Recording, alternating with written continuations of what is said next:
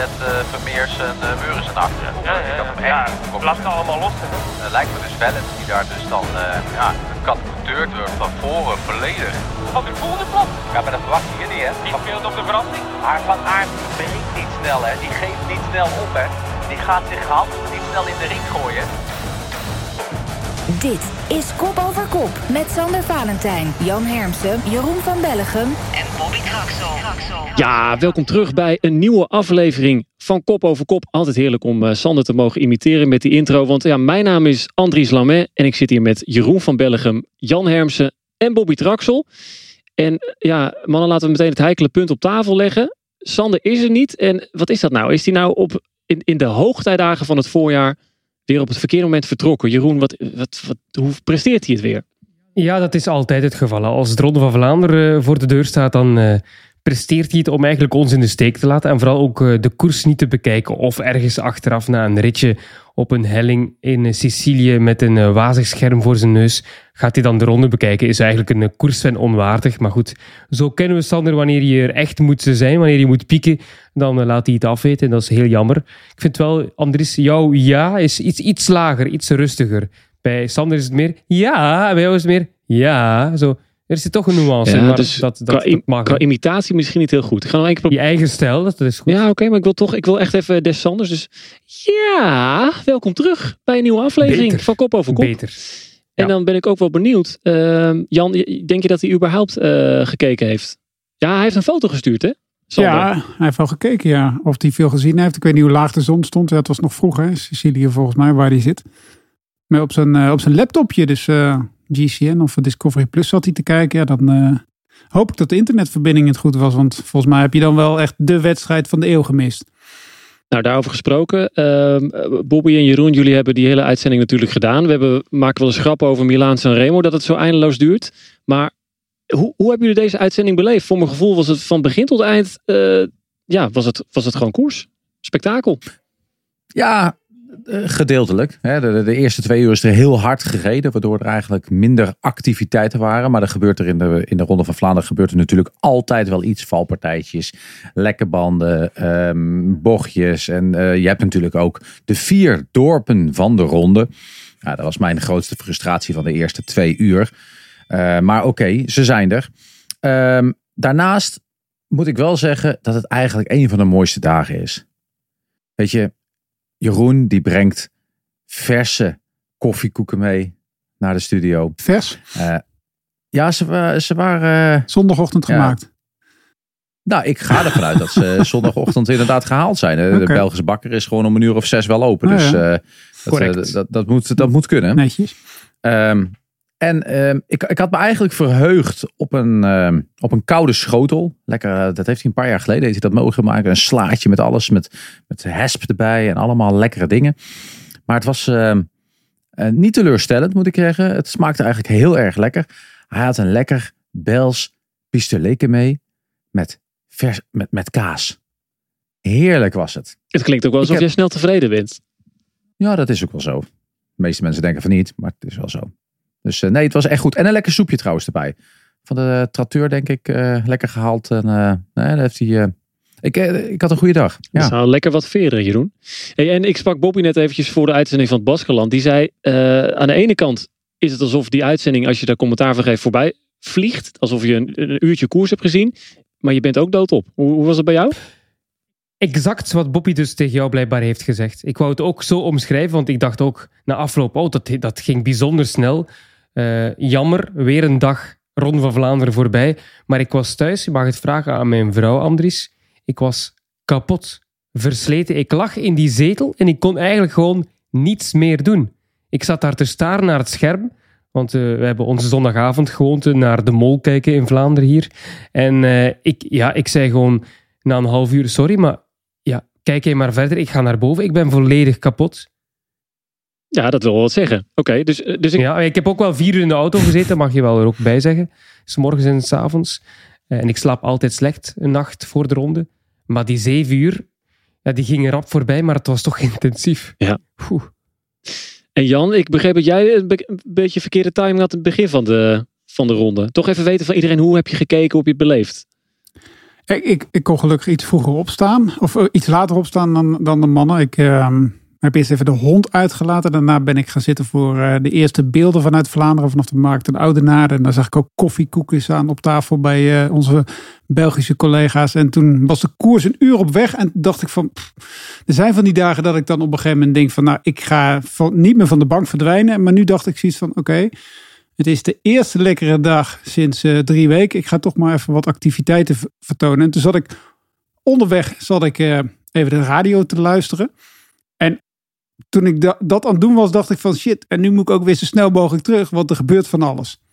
Ik heb echt het eh, slechtste moment gekozen om eh, even naar buiten te gaan. En waar viel je er weer in? Eh, 150 kilometer te gaan. Ja, Ongeveer. jongens, dat is eh, dus eigenlijk was. eh, eigenlijk eigenlijk Ah. heb je de helft gemist. Ik heb die sliding van eh, die pol heb ik gemist. Oké, maar Je hebt gewoon eigenlijk eh, heel West-Vlaanderen overgeschoten. Dus, ehm, maar, Ja, Steek in mijn hart. we gaan het er straks allemaal over hebben, over die momenten. Want we gaan de ronde uitgebreid doornemen aan de hand van een aantal fragmenten. En ik heb een paar ja, een soort van levensgrote wielervragen bedacht. Waar je eigenlijk je vingers niet aan wil branden. Maar dat gaan we dan toch doen. Maar eerst, ehm, ja, de koers stopt nooit. Dus wat is er allemaal te zien komende week op Discovery Plus en Eurosport? Ik zei het al even, de ronde van Baskeland is in eh, volle gang. Eerste rit geweest. Of ja, volle gang, Bobby. Moet nog een beetje op gang komen misschien, hè? Eerste rit. Ja, de eerste rit was nog een beetje eh, wachten. Eh, drie basken voorop. En dan uiteindelijk met z'n allen er een beetje achteraan rijden. En dan een, eh, een sprintje. Maar de komende dagen gaat het wel gebeuren hoor, Andries. Ja, en dan elke dag inschakelen rond kwart over drie, half vier. Dus met Bobby en mijzelf. Dan woensdag de Scheldeprijs. Dat was vorig jaar heel spectaculair. Toen was het wat slechter weer. De vrouwen vanaf tien over half één met Nick Stuppler, Jip van der Bos. En vanaf drie uur zit jij er, Jeroen. Met Karsten? De Scheldeprijs bedoel Ja? Scheldeprijs. Ja, precies. Ja, Ja. ja. Ja, de, ja, de Scheldeprijs. Ja, met Karsten normaal wel. Ja. Ja. En dan hebben we zaterdag eh Roubaix bij de vrouwen. Kwart over drie, Nick en Jip. En eh, zondag Roubaix bij de mannen. En dan zitten jullie er weer, Jeroen en Bobby. Dus daar gaan we het straks in de voorbeschouwing over hebben. Maar ja, vandaag in Kop over Kop is het eigenlijk een heel simpel programma. Nabeschouwen op de ronde en voorbeschouwen op Roubaix. Ja, de ronde, daar gaan we het natuurlijk over hebben. Het was eh, een editie om je vingers bij af te likken. Sowieso die koers altijd. Hè. Ik denk als een, een wedstrijd meer bijnamen heeft eh, ja, dan je kan bedenken, dan, dan, dan is het iets heel bijzonders. De Hoogmis, Vlaanderen is het mooiste. U, weet het allemaal wel. Ehm, we gaan straks een aantal fragmenten doornemen, want het begon dus al best wel vroeg. Je had het al even over die poll, daar gaan we het zeker ook eh, over hebben. Maar eerst, jongens, het lijkt alsof die ronde elk jaar spectaculairder wordt. Zijn jullie het daar ook over eens? Of is dit, ja, is het eigenlijk elk jaar prachtig? Ik ga niet aan Jeroen vragen, want die zegt toch dat het fantastisch is. Bobby? Poeh, wordt het elk jaar spectaculair? Ik, ik weet niet of het elk jaar beter wordt. Maar het voldoet wel aan de verwachtingen. En dat is wel misschien het belangrijkste, weet je. Je kan, je kan naar een restaurant gaan en een hele hoge verwachtingen hebben van het eh, diner. En als het dan voldoet, dan denk je van, oh ja, ik heb er weer zin in. En, en, dat voldoet gewoon altijd aan de ronde. En ik denk dat, je, dat het spannender wordt, is dat het... Van mij moeten ze eigenlijk, om het nog spannender te maken, op de Belgische televisie beginnen met twee weken van tevoren voorbereidingen in plaats van een week. Want ja, dat is eigenlijk wel een beetje zonde. Dat ene weekje wat je dan eh, in de wielenwereld wordt gedoopt. Maar eh, ja, de, de ronde is nooit teleurstellend volgens mij. Dat is het allerbelangrijkste. En ben je het daarmee eens, Jan? Of wordt het soms ook een beetje gehyped? Met alle liefde natuurlijk. Nee, maar... ja, het, wo- het wordt zeker wel een beetje, een beetje gehyped. Ik zou eh, ervoor kiezen om eigenlijk een maand van tevoren al eh, in plaats van lentebeelden uit te zenden, wat ze op de Vlaamse televisie nog wel eens doen, gewoon elke dag gewoon een, een vaste camera op eh, de Quaremont te zetten om te kijken wat, wat daar voorbij komt. Maar ik, ik, ik bedoel, ik heb me bijna vroeger bijna vastgeketend op de Quaremont om te, ervoor te zorgen dat die renners er niet overheen konden komen. Want ik vond het verschrikkelijk dat ze niet meer over de muur gingen en over de bosberg. Ik heb echt, ik heb daar echt slapeloze nachten voor. Ik vond het echt verschrikkelijk. Maar bedoel, ik heb de laatste jaren naar, eh, ja, echt naar de mooiste rondes zitten kijken. En dat, dat heeft ook alle, met alle verhalen en alle opsmukt eh, eromheen eh, te maken. En ja, ik, ik hoorde gisteren al, het is de mooiste ronde van jaren. Maar dat, dat is wel iets wat ik elk jaar hoor. Dus daarin praat iedereen elkaar een beetje naar. Was het een mooie ronde? Ja, het was een mooie ronde. Ja, nou, misschien kan Jeroen dat dan nog het best eh, eventjes duiden. Want is, ja, is, Vlaanderen, le- leeft het nog meer of is het altijd hetzelfde? Qua beleving is het eh, altijd hetzelfde, dus dat wel. Ehm, intenser dan ooit zou ik niet zeggen als je kijkt naar de commentaren en naar eh, hoe mensen daarop reageren. Maar wel de koers zelf, ja, die was waanzinnig. Die kan ik eigenlijk moeilijk omschrijven in adjectieven, Andries, omdat ja, dit was echt een van de gekste wedstrijden die ik ooit heb beleefd qua, qua intensiteit inderdaad ook en qua, qua snelheid sowieso, qua verloop van gebeurtenissen. Je hebt inderdaad een paar momenten neergeschreven hè, van belangrijke gebeurtenissen. Je had er nog vijf extra kunnen pakken, bij wijze van spreken, omdat er zoveel gebeurde in die koers. En het, was, ja, het stopte nooit. Er gebeurde iedere kilometer wel, wel iets in eh, de Ronde van Vlaanderen. Het is misschien een beetje overdreven, maar toch. We konden eigenlijk vanaf die eerste minuut op het puntje van onze stoel zitten. En dat is zo gebleven tot de laatste seconde. Ook al zijn er mensen die kiezen om dan te gaan hardlopen. Dat mag allemaal. Maar uh, nee, ik heb er echt, echt 100% van genoten. Ik keek ook naar Bobby en Bobby keek naar mij na de uitzending. En je zag ook een glimlach op onze gezichten. We waren voldaan, zoals uh, Bobby ook zegt. Het was gewoon ja, de koers op zijn best. En uh, dat is te danken aan alle coureurs. Niet alleen aan die grote drie, maar aan allemaal. Want iedereen heeft willen koersen. Iedereen heeft er een prachtige strijd van gemaakt. Dus uh, dank je wel. Ja. Nou, laten we dan maar snel beginnen met die fragmenten. En ook een beetje om, ja, Jan, jij was toen hardlopen. Je hebt het natuurlijk daarna wel gezien. Maar het eerste fragment, het eerste echt opvallende moment van de dag, dat was dit. Maar dus je hebt Dillier en Søren Kragh, die hier op koppen rijden, nu al voor Mathieu van der Poel. Ja, dat had ik niet gedaan hoor. Ik had niet uh, Andersen hierop. Dan had ik gewoon uh, Gogo, Ballestedt, uh, Vermeers en uh, Meuris in de achtergroep. Ja, ja, ja, ik had hem echt niet op kop Laat ze allemaal lossen. Hè? Laat ze allemaal hier in deze groepen terechtkomen. Want ja, ik zou ook nu inderdaad uh, alle ploegmaats laten lossen.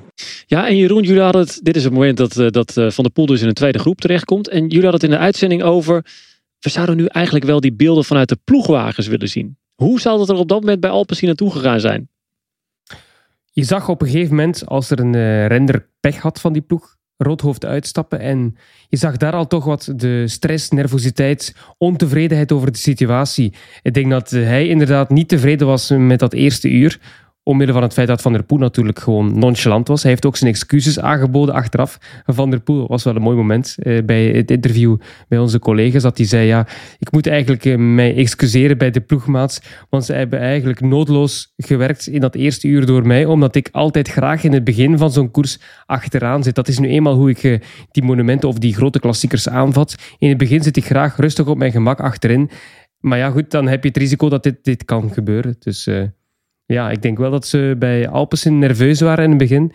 Maar dat Van der Poel, dat viel wel mee bij hem, zei je zelf. Vorig jaar ook al in Roubaix natuurlijk, hè? Dit. En Van Aert zat natuurlijk ook gewoon, wat dat gedeelte wat ik dan heb gekeken, zat hij ook de hele tijd achterin eigenlijk ook te, lekker ingepakt, een beetje te eten en zo. Ze zaten lekker te, te lunchen eigenlijk daar uh, van achter. Maar er is ook een reden is, voor dat ze daar zitten. Ja, de vraag is ook wie zijn fout is het, hè? Want in de Tour de France, dan sturen we allemaal auto's naar voren met een apparaatje om elke keer de windrichting te meten. Om uh, te meten van waar, hoe hard waait de wind en allemaal dat soort zaken. Waarom doen we dat niet bij de ronde? Nou, Gaan ze erover nadenken? Ja, gaat, Is het, niet, gaat, is het niet de taak van de ploegleider om te zeggen Ja, van jongens, lijkt, mij, hey, lijkt mij ook, ja. er, er komt wind. Jullie Ja. moeten echt even naar voren zitten. Maar dat was toch de avond voordien al geweten. Ik heb het ook gezegd in het begin van de uitzending. Het was geweten hoe die wind zou staan. Het was geweten dat het gevaarlijk zou Ja. kunnen worden. Maar niemand geloofde erin, omdat het de Ronde van Vlaanderen is, omdat het een lange klassieker is. Dat gaat toch niet gebeuren. Dat was zo wat de consensus in het peloton. nou, Ja, daarom is het wel is, interessant eh, wat eh, Jan zegt. Dat het natuurlijk vorig jaar tijdens Roubaix ook gebeurde. Wat, ja, is dit, gaat het Ook nu wind echt- toen, hè? Ook Precies. wind toen. Het verschil is dat toen in die eerste waaien Ineos vol aan het draaien was. En wat we nu zagen was dat eh, Jumbo-Visma en UAE dit eigenlijk dit moment niet aangrepen om Van der Poel misschien wel echt definitief uit de wedstrijd te knikkeren. Had dat gekund? Het had al, alvast spannender kunnen zijn als ze inderdaad een mannetje mee op kop hadden gezet. Want het is niet dat Van der Poel daar zat door pech. Kijk, als hij valt of hij heeft lek, dan gaan ze dat natuurlijk niet doen. En dan gaat ook niemand zeggen, nu moeten jullie op kop rijden, want ja, dat zou heel onsportief zijn. Maar nu was het gewoon door zijn eigen fout dat hij daar zat. En dan denk ik, als je vooraan zit, door attent te zijn, ja, dan kun je daar toch zeker een mannetje voor opofferen. Dat zou ik toch doen als ploegleider. Maar goed, ik weet ook niet wat hun tactieken zijn natuurlijk in die ploegwagen. En of ze natuurlijk ook wel ja, dat al zien zitten, zo ver van de aankomst, om daar al mannetjes mee te verliezen. Ja. Nou, dat is precies wat je zegt. Hè. Je gaf het net eigenlijk al aan. Van ja, ik had het de dag van tevoren al gezegd. Alleen niemand geloofde het omdat het nog zo ver weg is. Ja, dat is exact de reden waarom ze dat niet gedaan hebben. En dat is uh, achteraf gezien maakt het, het geen verschil. Maar uh, ik vind het van Jumbo niet verstandig. Ik had. Uh, ik vind, ik, ik vind het helemaal, moeten we zo meteen over het algemeen even Jumbo bespreken. Dus uh, laten we daar uh, nu maar even overheen stappen. Maar het is natuurlijk wel een reden hè, waarom ze er zitten. Want ze willen ook een beetje uit de onrust blijven. Ook. Ze willen niet uh, begin al meteen vallen, zeg maar. Het is een hele onrustige openingsfase. Je zit daar redelijk op je gemak. Je kan je dingetjes even doen. Je bent nog lekker aangekleed en zo. Dus er is ook wel een reden dat, het daar, dat ze daar gaan zitten. Ook die kopmannen, die grote mannen. Tuurlijk. En dat moeten we dus ook blijven doen. Want, want als je, je kijk, als ze voorin zitten en ze vallen dan, dan gaan we met z'n allen zeggen van ja, maar ja, goed, we moeten, het begin van de koers moet je niet op die plek zitten, want je weet hoe nerveus het daar is. Dus er is altijd wel uh, iets uh, wat je verkeerd kan doen. Dat is het mooie aan de koers, heel. Dat is het mooie dat wij dat maandagavond altijd kunnen doen. Ja. Dat we, er is altijd inderdaad een uh, keuze als je inderdaad zo'n zo'n situaties meemaakt. Nou ja, over vallen voor in de peloton gesproken. Dat is het volgende fragment. Hier gaan we het zien. Het gebeurt hier vlak vooraan. Ik denk dat Wellens hier de weg oprijdt en dat er dan iets gebeurt. Oeh, ja. Oh.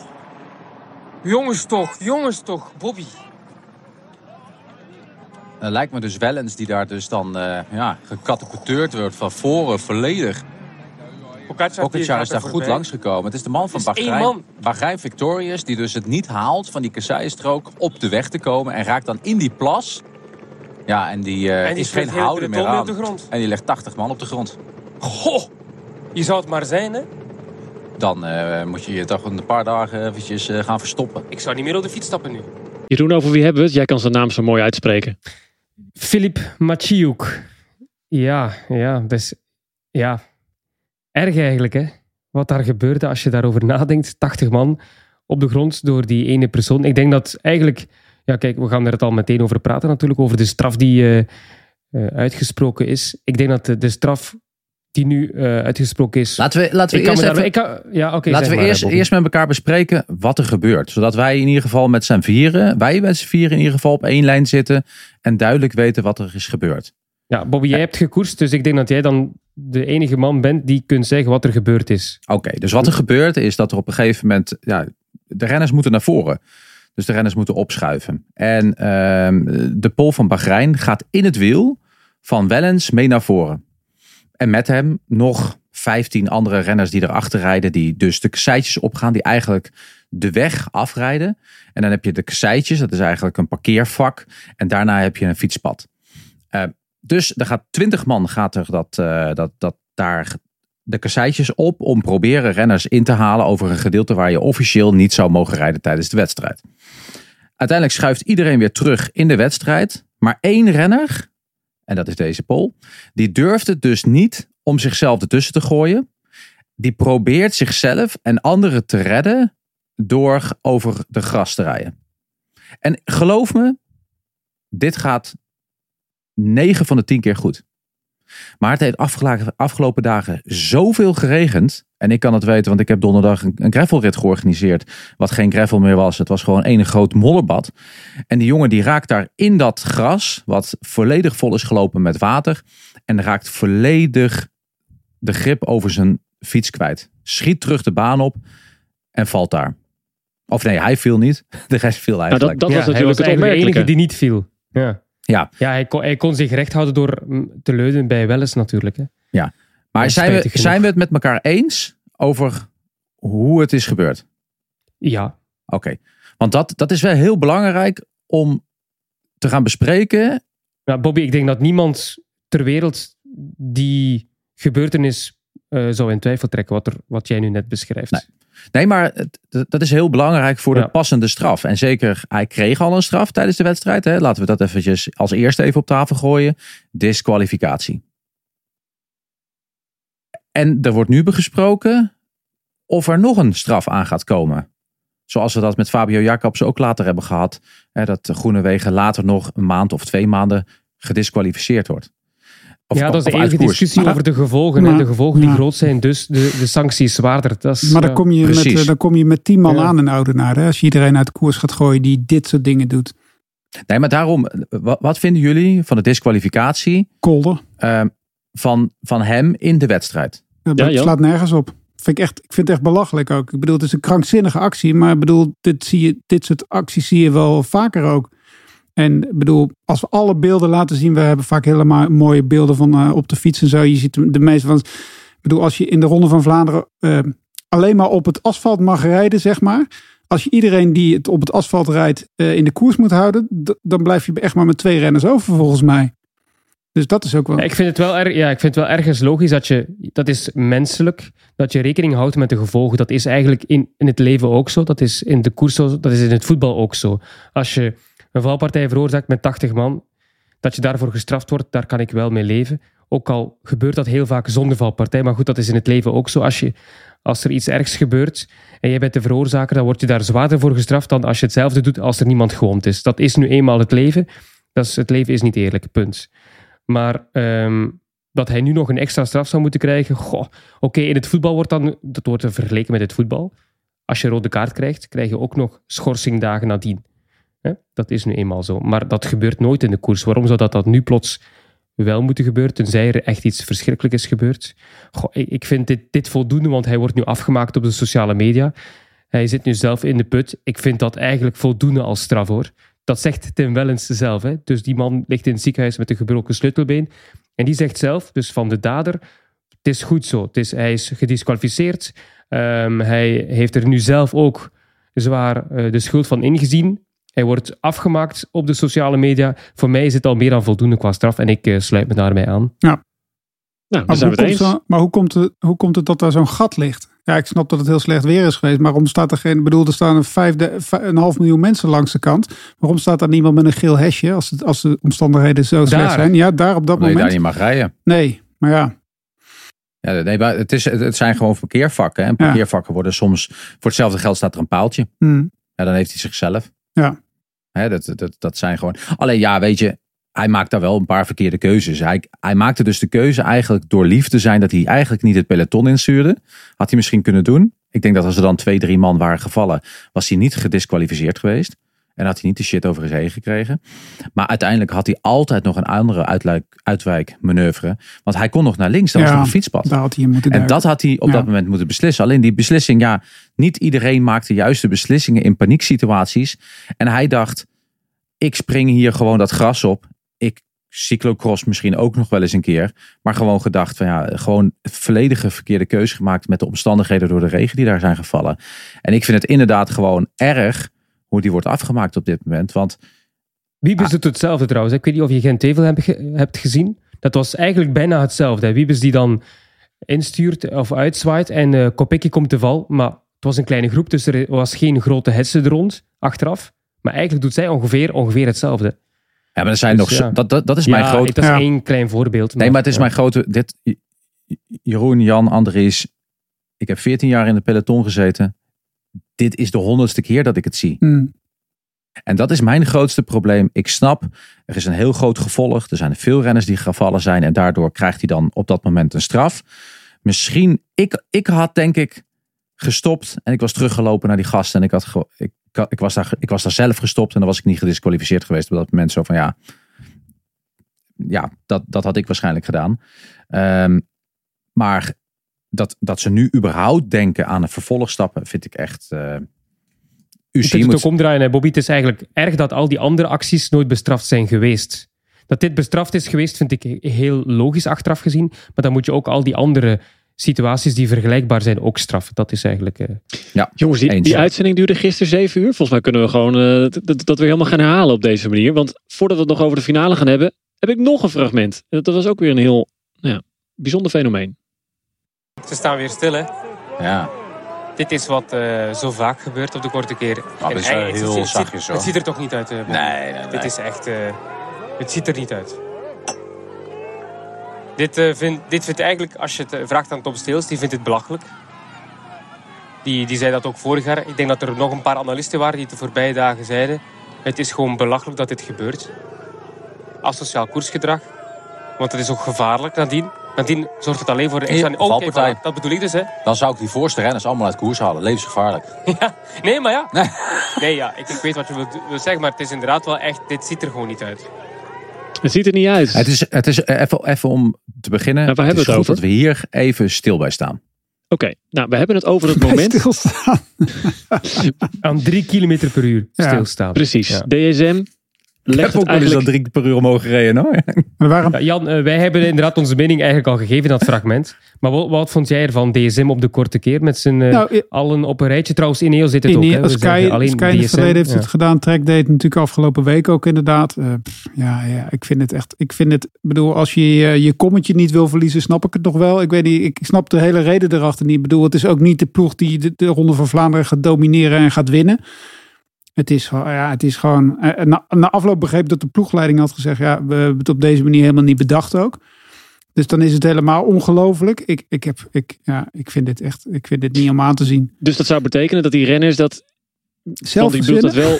Het... Ze proberen het goed te praten omdat ze weten dat iedereen er tegen was. Ja. Dus je zag ook op de sociale media hadden ze een tweet gestuurd dat ze er trots op waren, hè, dat ze een groep vooraan reden. En achteraf hebben ze dat verwijderd door de negatieve reacties. Ja. Dus ze hebben dat gewoon verkeerd ingeschat. Is dit iets wat je zou moeten proberen te voorkomen? Zou je dit moeten ver verbieden? Want ja, dat kan eigenlijk niet echt, toch?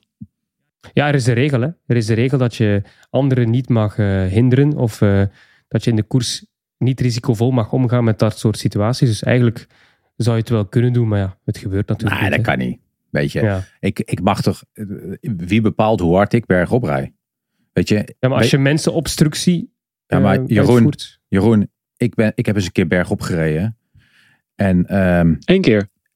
Nou ja, wel meerdere. Maar een keer op deze manier. Een keer op deze manier. En ik was voor het peloton. Alleen ik kwam natuurlijk geen poot omhoog. Dus ik sta daar als een paaltje op de weg stil. En dat hele peloton moet mij voorbij. Ja, levensgevaarlijk. Voor die renners. Ja, en voor mij ook. Ja. Want ja, ik moet ook achterom kijken. Maar ik kon niet harder. En dit was natuurlijk gespeeld.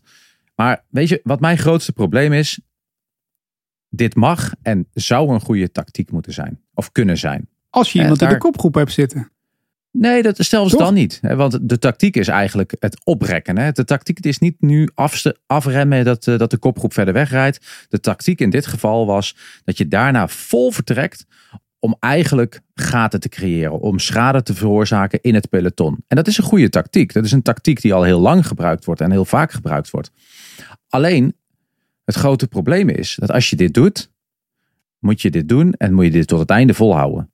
Doe je niet, heb je gewoon verloren, moeten ze je allemaal afzeiken, moeten ze je allemaal schouderklopjes geven en ben er gewoon niks waard.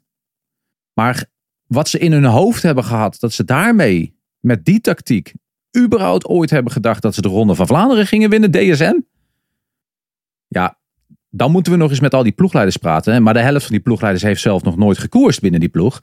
En weet niet wat het is om te koersen. En dat is het grote maar probleem. Maar Degenkop toch wel, Bobby. Ja, Degenkop rijdt daarbij. Die moet toch weten van wat we hier doen is belachelijk. Degenkop was bij hè, toen Trek daar dat trok, hè, twee dagen geleden. Die dacht, ja, ja. dit is het hè jongens. Maar nou, zijn dit ook tafereelen die we zien omdat iedereen het van tevoren alleen maar he heeft over drie mogelijke winnaars. En dat er dus eigenlijk twintig ploegen zijn die ja, de gekste dingen bedenken om maar toch een kans te maken? Of heeft het daar ook niks mee van doen? Dat kan, ja. Nee joh, nee joh. Alsof ze dat, als, ze, als, als ze dat echt gedacht hebben, dat ze hierdoor... Dat was een officiële uitleg, hè? Dat, ja. Als hun dat dus nog steeds geloven, dan neem ik ze nooit meer serieus. Die hele ploeg niet. Nooit meer. Dat is, dat, die hebben toch nooit kunnen denken dat ze een top 10 gingen rijden? Met die het is wel renners. de enige kilometer dat ze in beeld waren, dat wel. Ja, nou ja, daar hebben ze dan. En daarom hebben ze er ook heel lang over gedaan, want dan wouden ze nog heel lang in beeld rijden. Dat zou, dus, dat zou nog wel eens een goede situatie kunnen zijn. En ze worden weer lekker uitgebreid besproken in kop over kop. Hè? Dat is ook wat waard. Voordat we naar het volgende fragment gaan, dan komt er een fase met eigenlijk de eerste echte kopgroep. Er zaten wel hele sterke namen bij. Zijn die, die grote drie nou eigenlijk ooit echt in de stress geweest? Uh, wat denk jij, Jan?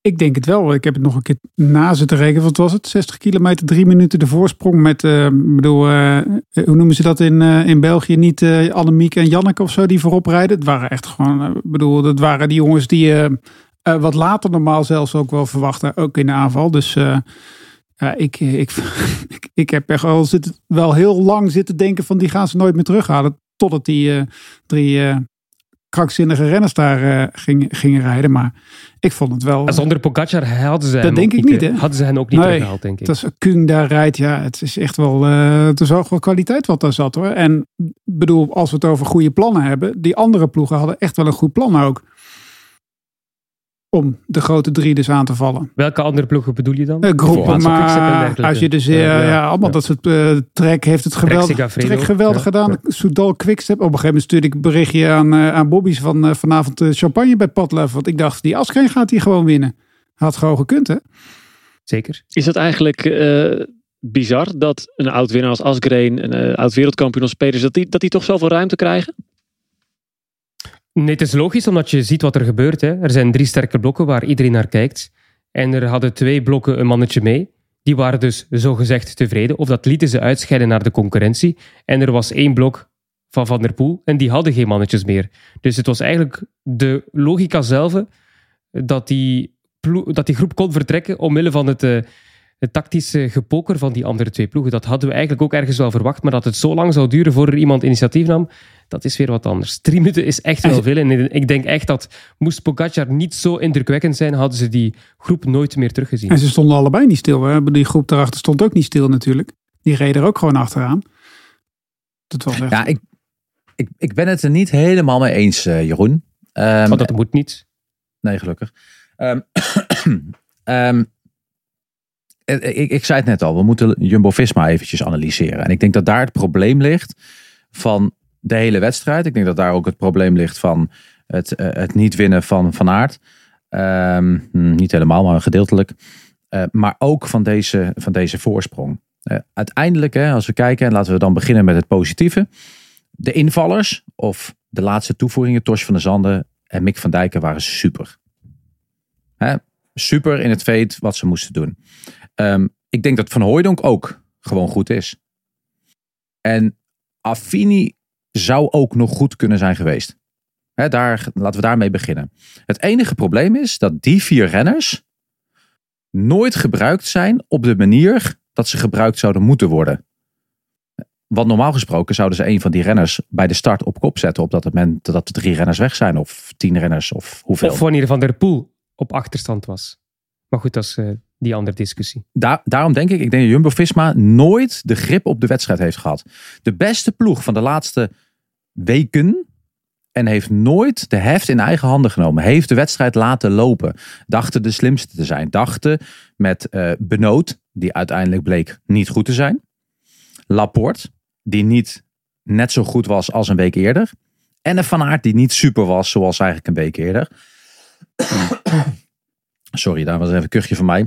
Maar hebben ze eigenlijk nooit de wedstrijd in handen gehad. doordat ze gewoon die wedstrijd niet hebben, hebben kunnen rijden. Ze hebben ook, ook in de wedstrijd volledig de verkeerde beslissingen genomen. Maar het is... En toch denk ik dat ze ook niet hadden gewonnen, moesten ze alle beslissingen op de juiste manier hebben genomen. Nou, maar ik denk, ik, denk dat ze, ik denk dat ze door al die overwinningen ook een beetje te gulzig zijn geworden. Hè. De, pannenkoeken zijn natuurlijk al een paar keer bij, voorbij gekomen. Maar uh, de pannen, pannenkoek dwars de Vlaanderen en de pannenkoek Gent-Wevelgem hadden ze misschien beter uh, niet kunnen eten.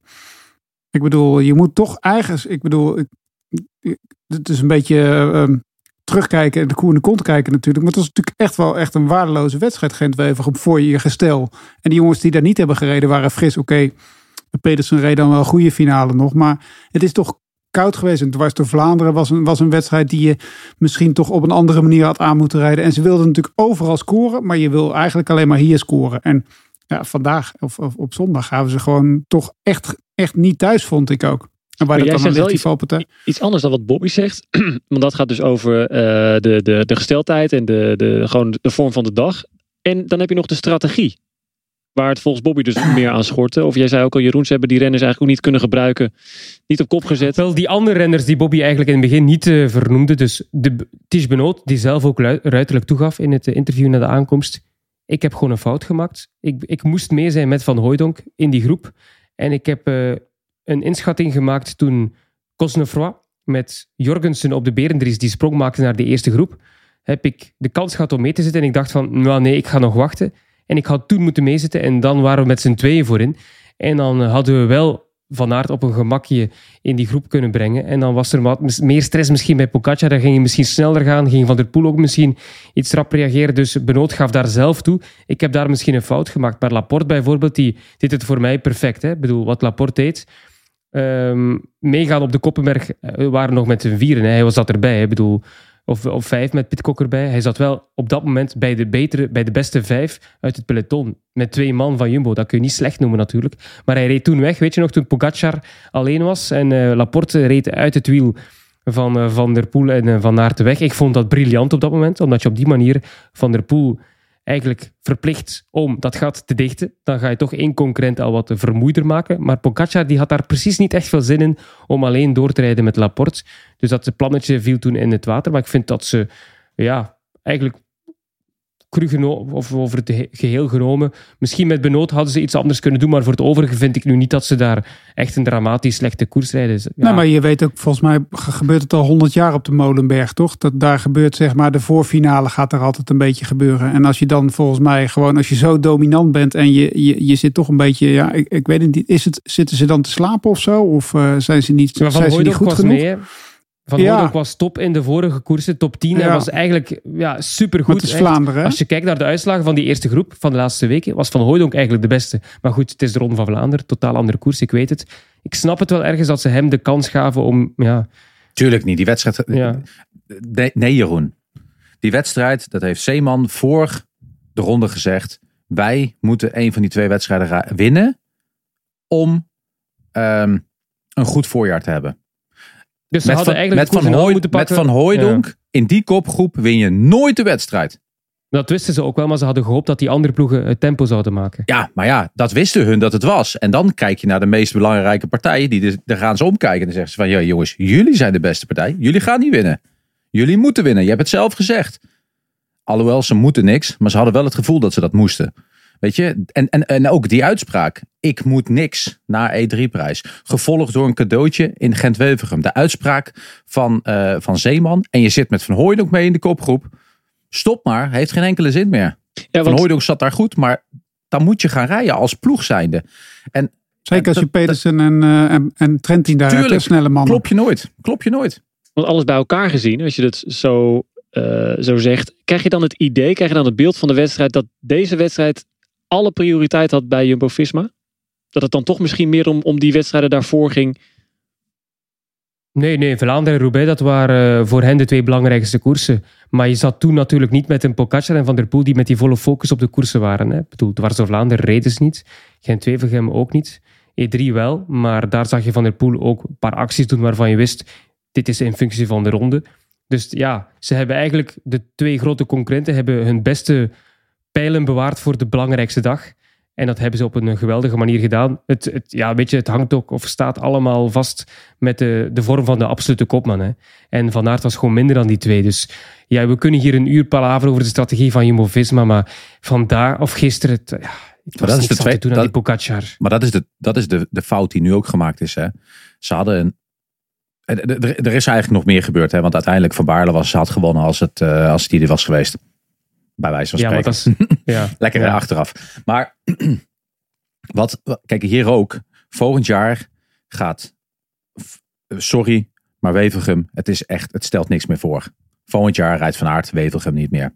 Volgend jaar is geen één van de toppers gaat Wevelgem niet rijden. Hier gaan we het zo nog over hebben. Hier komen we nog wel op. Oh. Uh, want we hebben het nu over Jumbo-Visma gehad. Dat, dat ze de koers niet gewonnen hebben, dat mag duidelijk zijn. En dat werd helemaal duidelijk op dit moment. Van der Poel nu plots. Oh, wat heeft hij gegeten? Van der Poel die uh, Van Aert hier doet lossen. Ja, maar dat verwacht je hier niet, hè? Dat verwacht je hier niet. En dat, en dat is de verrassing. Die speelt op de verrassing. Maar Van Aert die breekt niet snel, hè? Die geeft niet snel op, hè? Die gaat zich gehanddoek niet snel in de ring gooien. Van der Poel die heeft maar zijn tweede adem gevonden. Maar ze Dikkie nu toch gaan rijden. En ben benieuwd, hoor. Van der Poel heeft zijn tweede adem gevonden. Ja, verrassing. Ja of nee. Hij wordt veel geroemd de laatste tijd om, om dat, ja, dat hij verrassende dingen doet in de koers van der Poel. Maar het is ook de Kruisberg Hoton. Daar is het volgens mij ook wel vaker gebeurd, toch Jeroen? Ja, de Hoton wel. Hè. Maar de Kruisberg nog niet. Heb, heb, ik nog nooit een beslissende aanval gezien in de Ronde van Vlaanderen. Uh, jullie mogen me terechtwijzen als je iets in de, hoofd, in de hoofden hebt waar het dan wel eens gebeurd is. Maar ik weet wel, ik heb die Kruisberg al zo vaak opgefietst. De laatste weken ook. Eigenlijk vind ik die ook, ik heb het al een paar keer gezegd in de uitzendingen van de verschillende koersen in Vlaanderen. Ik vind die super zwaar, omdat je het niet verwacht. Je hebt de, de Koppenberg, de Pater, dat zijn dan de zwaarste beklimmingen. Daar werk je ook naartoe. En dan heb je de Kruisberg, oh, die pakken eens mee. Maar die is zo lang en uh, naar het einde toe echt stijl en die kasseien liggen niet goed. En dat zei Van der Poel ook achteraf. De Kruisberg is een van de zwaarste beklimmingen. De langste ook in het uh, parcours van de ronde. Dus ik wist dat ik daar iets kon uh, doen qua verschil. En ja, dat is wel straf hè, dat hij daar ja, zo over nadenkt. Rij je alleen de beste weg, hè? Daar. Nu komt er een verhaal van. Ja, dat dacht ik ook. Nou ja, dat deed ik ook in Kuurne. Daar ging ik ook bij de, de kopgroep weg. Ging, op de Kruisberg? Op de Kruisberg. Oké. Dus daar liet ik uh, die twee medevluchters uh, achter. Net als dat uh, Van der Poel daar in eerste instantie deed. Maar weet je, dit demereren op de Kruisberg, dat verwacht je niet. Omdat niemand de Kruisberg specifiek aanstreeft van hé, hey, daar gaat het gebeuren. En dit was eigenlijk alsof je als beste springer over de balkjes de laatste ronde in de WK niet over de balkjes springt. En daarom denk ik ook dat Wout van Aert niet van surprise parties houdt. Wel van cadeautjes en vooral geven, maar niet van een surprise party. Dus zou je kunnen zeggen dat het zich niet per se aandiende dat Van Aert al op, op breken stond, maar dat hij gewoon ja, die inspanning daar niet, uh, ja, niet voorbereid had, dat hij daar niet klaar voor was? Hij had het niet verwacht, maar hij zei ook na afloop: Ik had de benen niet om te volgen, dus dan is het duidelijk. En hij wist eigenlijk daar al: Ik ga die koers niet winnen. Daarom heeft hij ook meteen dat wist natuurlijk niet op het moment zelf, want ik, eh, Bobby zei het ook. Van Hooydonk laat je nu uitzakken op dat vlakke stuk om Van Aert terug te brengen. Dat duurde en dat duurde maar, maar ik weet nu waarom. Van Aert had in het oortje gezegd tegen Van Hooydonk, niet wachten, niet wachten. Blijf daar zitten.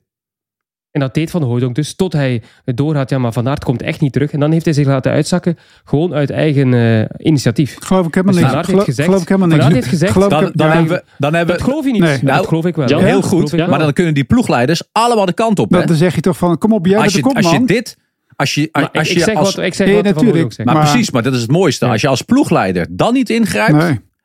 Je laat je afwezig bij de Gent-Wevergem en je doet op zo'n cruciaal moment, kan je niet reageren, heb je geen actie van eh, risicomanagement. Dan, dan, dan kun je niet met panieksituaties omgaan. Maar je kan dan ook niet weten... ben je niet ja, goed. Plus je kan niet Hoor je weten, het je kan ook niet weten hoe die andere jongens zijn. En die demareren wel, maar je, laat, je, je kan, Van Aert weet toch zelf ook, die komt honderdduizend keer kan die nog terugkomen. Ik bedoel, hij, hij kan zich even niet goed voelen, maar hij moet altijd, je moet altijd Niet- wel... Bedoel, hij wordt nog vierde, toch?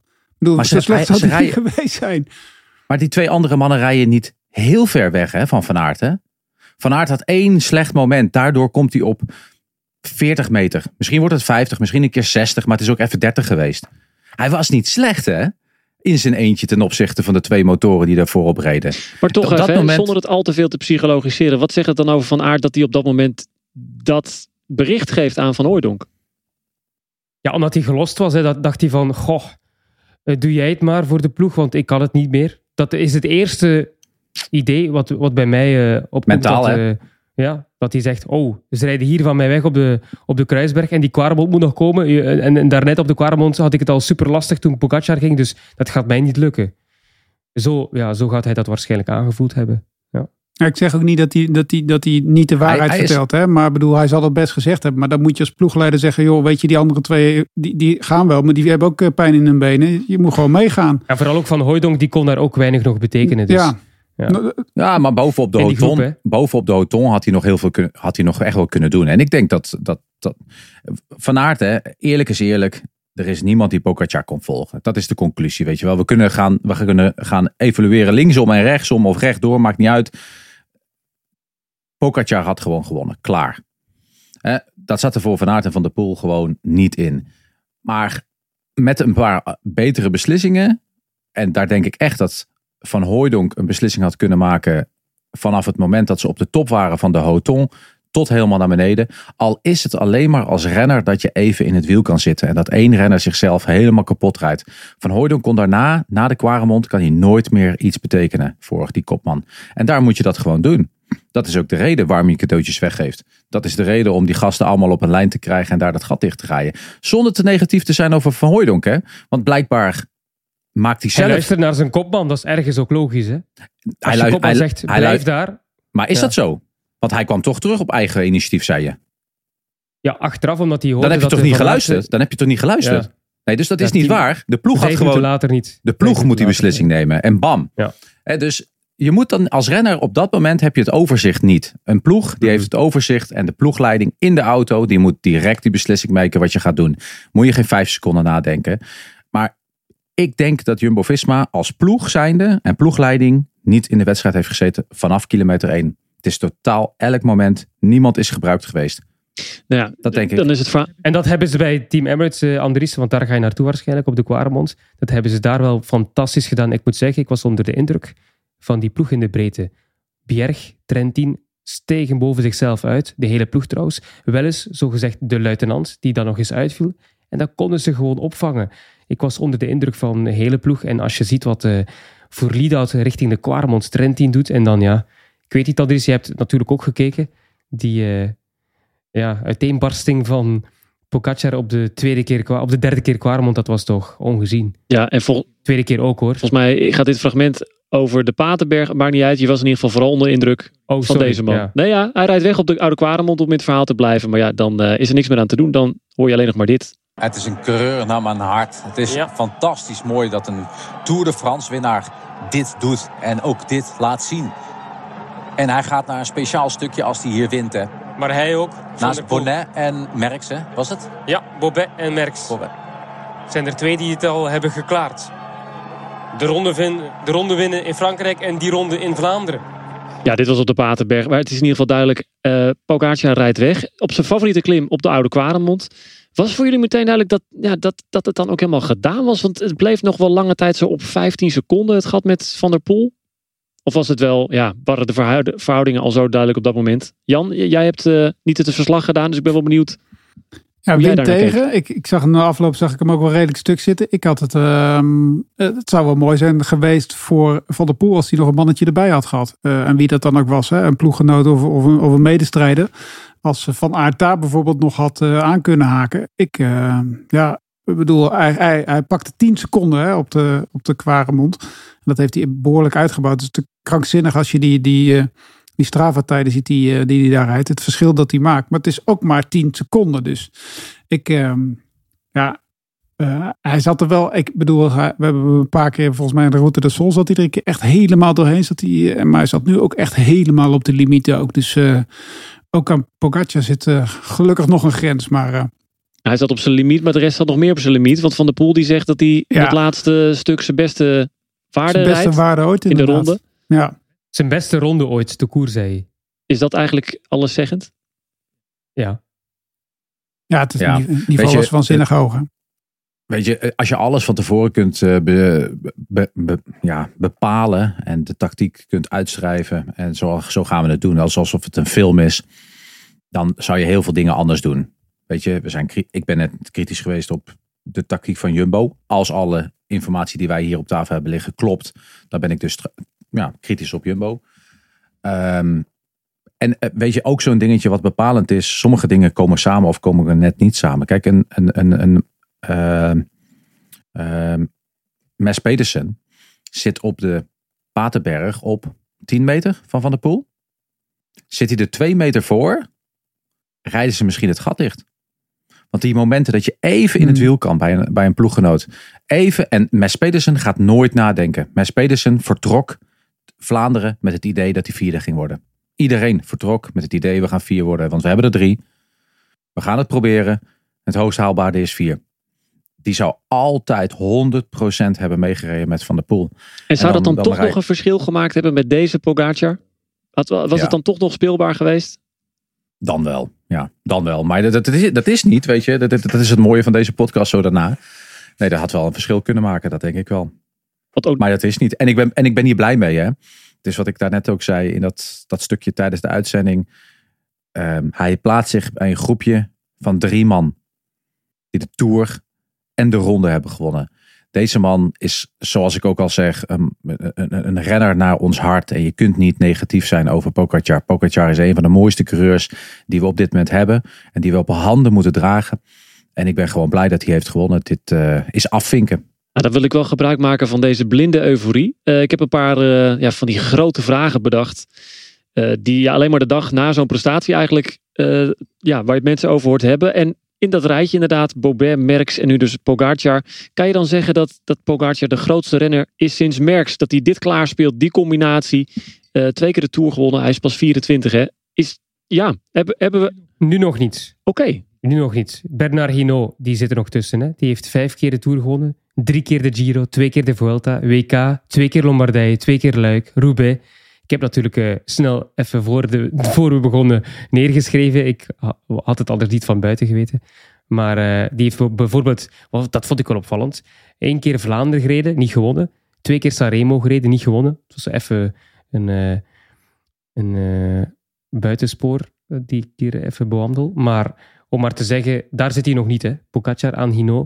Maar voor het overige inderdaad, in de laatste 50 jaar heb je Merckx, dan heb je Hino. En nu Pogacar, daar ben ik wel, wel heilig van overtuigd. Dus, dus wat dat betreft wel echt de man van deze eeuw zou je zeggen. Ik, nou, ik heb even een vraag aan Jeroen nog over Roubaix. Want Hino heeft ooit die, die ene keer Roubaix gereden. Eigenlijk uh, nou ja, om, om er maar vanaf te zijn. Pogacar die twijfelt nog een beetje. Of... Ik vond dat geen twijfel. Het ging vooral over de timing waarover hij twijfelt. Want als je hem hoort praten, ik moet toch eh, extra kilo's uh, aanwerven. Ik, ik, moet toch wat extra trainen voor, om toch dat kasseigevoel te leren onder de knie hebben. Dan heeft hij dus al over nagedacht en gaat dat ongetwijfeld nog eens komen. Maar ja, dat is moeilijk natuurlijk te combineren met, met de Tour.